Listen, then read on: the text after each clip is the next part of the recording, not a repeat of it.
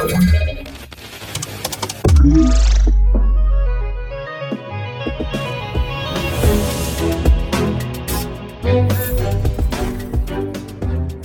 halo, tu mówi Warszawa w podcaście Cyber Cyber Fundacji Bezpieczna Cyberprzestrzeń. Dziś Cyber Cyber Raport, no i to nasz tak naprawdę już 215 odcinek Cyber Cyber. Zapraszam bardzo serdecznie. Dziś mamy poniedziałek, 150 dzień roku, a 30 dzień maja, znany na świecie jako Światowy Dzień Soku, a więc nie zapomnijcie napić się jakiegoś nektaru owocowego. Ale teraz właśnie, jak wspomniałem, cyber, cyber raport, więc jeszcze tylko nasz solenizanci i szybko przechodzimy do weekendowych ciekawostek. Imieniny obchodzą Ferdynand, Joanna, Mirogniew i Suligniewa, czyli po starosłowiańsku to są ci, których gniew jest zdecydowanie gwałtowniejszy. Witam Was bardzo serdecznie, przy mikrofonie Cyprian Gutkowski. Przedstawiam obiecaną garść najnowszych informacji ze świata cyber. Na dziś przygotowałem dla Was następujące tematy. Walka z cyberprzestępczością w Syrii jako kolejny sposób ograniczania praw człowieka. Ransomware o nazwie Dobra Wola, który zmusza ofiary do przekazywania pieniędzy i ubrań biednym oraz wielu innych rzeczy. Microsoft pokazuje nowe funkcje systemu Windows 11. Ostrzeżenie FBI przed hakerami, którzy sprzedają dane uwierzytelniające do sieci uczelni w Stanach Zjednoczonych. No i echa cyberkonfliktu na Ukrainie. Tak jak obiecałem, pierwsza informacja dotyczy Syrii e, i jak to się dzieje, że ratyfikowane przez Bashara al-Assada nowe prawo mm, staje się, ma służyć do walki z cyberprzestępczością, a może zostać kolejnym narzędziem dyktatora, które służy do ograniczenia praw człowieka w Syrii. Takie informacje przekazują działacze na rzecz wolności obywatelskich i demokracji. Mm, nowe prawo, które powstało tak naprawdę w końcu kwietnia, jak twierdzą ci działacze, powstało właśnie po to, żeby walczyć tak naprawdę z wolnościami obywatelskimi, a nie z niewłaściwym wykorzystaniem technologii. I o ile u nas w Polsce też mieliśmy takie kwestie, że ktoś gdzieś z poleceniem zabezpieczającym starał się walczyć, no o tyle w Syrii rzeczywiście jest to zastanawiające, bo mamy tutaj zupełnie inne kary i zupełnie o co innego chodzi.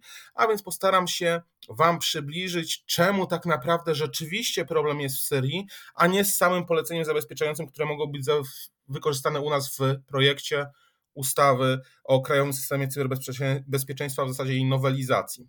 E, otóż okazuje się, że mm, bardzo dziwne są definicje przestępstw użyte w nowej legalizacji. Są one bardzo nieostre i jako takie mogą zostać użyte do ukarania obywateli za wszystko, co tak naprawdę władze uznają za niesłuszne.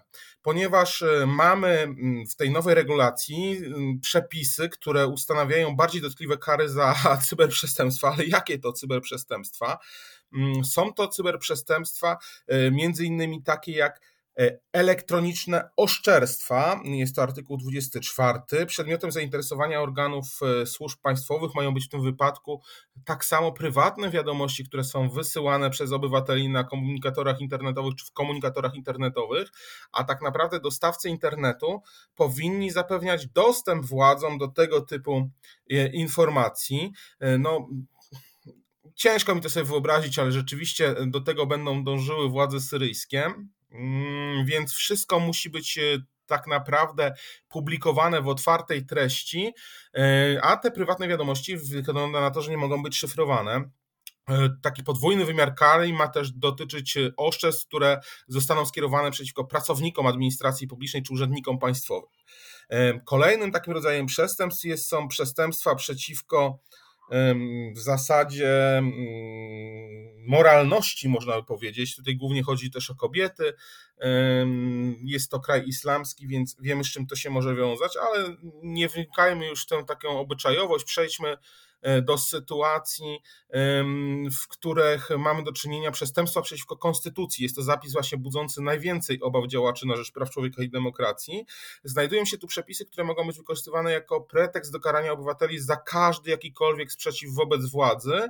E, I tutaj osoba taka może być oskarżona o próbę wywołania e, rebelii. W myśl nowego prawa każdy, kto dopuścił się utrzymywania witryny internetowej, zarządzania jakimś forum, które są treści, które podpadają pod niekonstytucyjne lub są antypaństwowe, czyli na przykład krytykujące Bashara al-Assada, może zostać skazany na karę pozbawienia wolności od 7 do 15 lat, czyli ten minimalny wymiar kary jest to tak naprawdę znaczy oczywiście może być też grzywna e, bardzo wysoka, mm, ale tutaj 7 do 15 lat są to przestępstwa, które w wielu krajach wychodzą za, e, nawet za, mogą być dopuszczalne w wynikach łagodzących za morderstwo. E, oczywiście jest też jeszcze jeden z bardziej dotkliwych ograniczeń prywatności. Jest to mowa o tym, że dostawcy usług do komunikacji cyfrowej zostają zobligowani do przechowywania kopii wszystkich treści online, które wymieniają pomiędzy sobą jacykolwiek Y, użytkownicy, co ma pozwolić na ich jednoznaczną identyfikację. Firmy, które nie wykażą zgodności z tym nowym prawem, narażają się na bardzo dotkliwe konsekwencje y, finansowe, ale tutaj znowu można by było stwierdzić, no dobra, konsekwencje finansowe dla firmy to pół biedy, bo ktoś może tego nie przestrzegać, ktoś może tego nie pilnować, ale y, przepisy prawne wprowadzają odpowiedzialność karną cywilną E, osób zarządzających tą firmą i menadżerów, e, którzy pracują w danej firmie, więc e, te osoby będą po prostu musiały tego pilnować, aby nie odpowiadać przed wymiarem sprawiedliwości syryjskim, bo grozi za to kara takiemu menadżerowi od 6 miesięcy więzienia, no i oczywiście dodatkowo dotkliwa kara grzywny. No ale przechodzimy do kolejnej informacji. Tutaj badacze cyberbezpieczeństwa ujawnili nowy szczep ransomware'u o nazwie Goodwill, dobra wola, który zmusza ofiary do przekazywania różnego rodzaju darowizn na cele społeczne, e, jak również zapewnienia, pomocy finansowej potrzebującym. Jest to bardzo ciekawe, ponieważ mamy tutaj do czynienia z taką grupą, która przypomina działania e, Robin Hooda. E, oni w zasadzie są zainteresowani tylko i wyłącznie pomaganiem osobom, które są biedne, nie chcą nic dla siebie, e, a wymuszają na mm, ofiarach właśnie jakieś działania e, dobroczynne. Co dzieje się tak naprawdę? Oczywiście po procesie szyfrowania, który jest klasycznym procesem szyfrowania, jak każdy, jak większość procesów ransomware'owych dobrze nam znanych, czy to polegających z reguły że wektorem tutaj będzie phishing, e, ale wyświetla się wielostronnicowe żądanie okopu, które wymaga od ofiar wykonania trzech działań społecznych, aby uzyskać klucz, który pozwoli nam odszyfrować e, nasze dane. E, I jakież to są działania?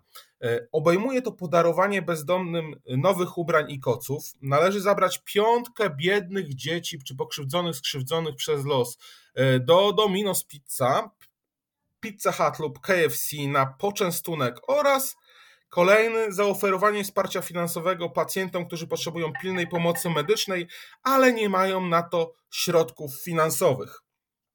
Ofiary więc proszone są o to, aby wspierać y, ubogich i potrzebujących, y, a swoje działania muszą rejestrować w formie zdjęć, zrzutów ekranu, selfie y, oraz zamieszczania swojego konta czy zapłaty za rachunek rachunku na swoich kontach społecznościowych, to ostrzegą tego przestępcy, którzy pilnują, aby rzeczywiście taka sytuacja miała miejsce. Po zakończeniu wszystkich tych trzech czynności y, ofiary również powinny napisać notatkę w mediach społecznościowych o tym, że stali się dobrymi ludźmi i bardzo dużo pomogli, y, a to wszystko dzięki oprogramowaniu dobra wola, goodwill e, to oprogramowanie ransomware, które pozwoli nam stać się dobrymi ludźmi, czy tego chcemy, czy nie. Kolejna wiadomość jest to wiadomość e, z Microsoftu. Pojawiły się nowe funkcje dla systemu Windows. Podczas e, konferencji deweloperów e, Microsoft ogłosił szereg nowych funkcji systemu Windows 11, w tym ulepszony podsystem Windows dla samego systemu Android, ale nie tylko. O tym wszystkim przeczytacie. Przypominam, że pod naszym podcastem znajdują się linki do artykułów, z których korzystamy, tworząc dla Was te informacje. I tu firma Microsoft akurat aktualizuje sam system operacyjny Android i w ramach podsystemu do systemu Android 12L i dodaje obsługę zaawansowanych funkcji sieciowych, dzięki czemu aplikacje mogą z łatwością się komunikować z urządzeniami e, spoza środowiska wirtualizacji. Ponadto Microsoft potwierdził, że jeszcze w tym roku wprowadzi podsystem Windows na Androida. Będzie to dostępne na pięciu nowych rynkach. Lista tych rynków to Francja, Niemcy, Włochy, Japonia, Wielka Brytania. E, pod koniec roku ma dojść do wdrożenia mm, tego, tego systemu, natomiast nie znamy konkretnych e, ram czasowych rzeczywiście, kiedy to się stanie. Oprócz tego mają nastąpić również inne zmiany w samym systemie Windows, na przykład tablica widgetów, która e, będzie nam pozwalała zintegrować się z widgetami innych firm i pozwoli dostosować tablicę widgetów za pomocą różnych, różnego rodzaju mm, dodatkowych funkcji. Kolejna informacja, znowu ja, znowu Cyprian Gutkowski, więc znowu coś o mm, uczelniach wyższych. Tym razem uwierzytelnienia do systemów uczelnianych mm, ze Stanów Zjednoczonych pojawiły się na czarnym rynku. Cyberprzestępcy oferują sprzedaż danych uwierzytelniających do systemów uczelnianych. Kwestia tutaj się waha, jeszcze później Wam powiem dokładnie, jakie są ceny. Jest to dostępne na różnego rodzaju forach internetowych, jak i w darknecie. Tutaj, e, co obejmują takie informacje, które są sprzedawane? Są to mm, dane uwierzytelniające sieciowe, dostęp do wirtualnej sieci VPN e, do wielu instytucji szkolnictwa wyższego w USA. Mm, w niektórych przypadkach nawet przestępcy zamieścili zrzuty ekranu, które potwierdzają, że te dane uwierzytelniające zapewniają e, dostęp, który pokazują i który zapewniają. E, z przestępcy. Cena takich właśnie usług, to co wspominałem, waha się od e, kilku tysięcy dolarów e, w zasadzie od kilku do kilku tysięcy dolarów, tak? Można niektóre dostępy kupić za kilka dolarów, niektóre za kilka tysięcy.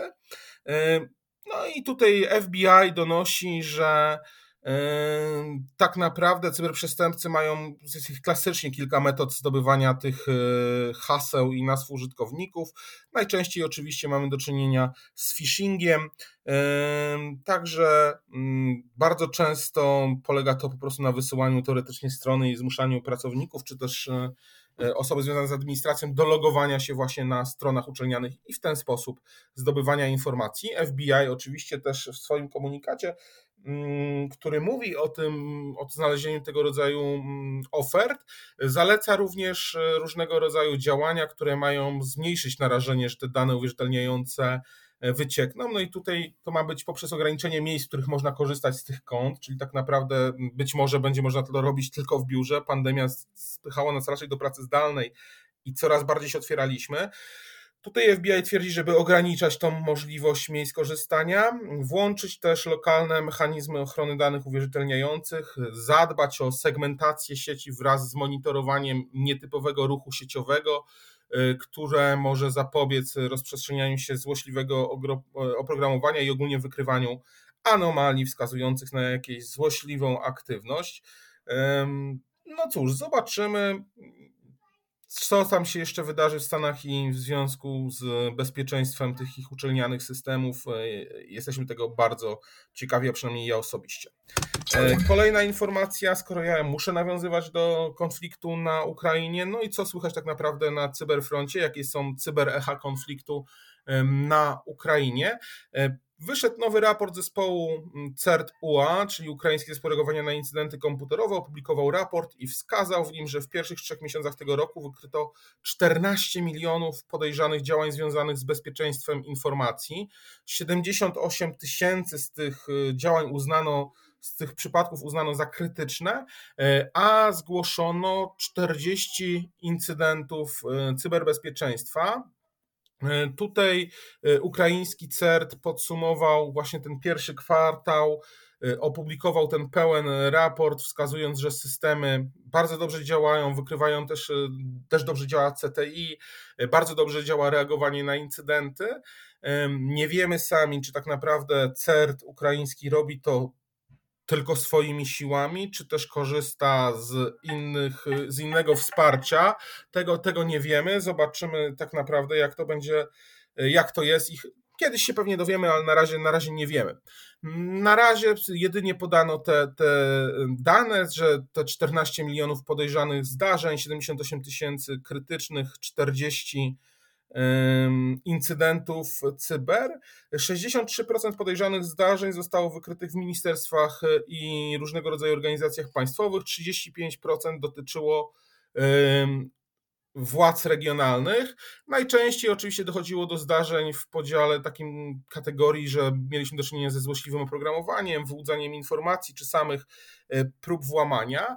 E, ataki najczęściej były identyfikowane, mm, zwłaszcza w tych 40 zidentyfikowanych cyberincydentach, były to grupy APT, były to grupy APT, grupa Armageddon, grupa Trickbot, Sandworm, Fancybear, Cozybear, Cozybear Sunseed, i to Killnet oczywiście, mm, czyli taka klasyka tutaj też rosyjskich aktywistów.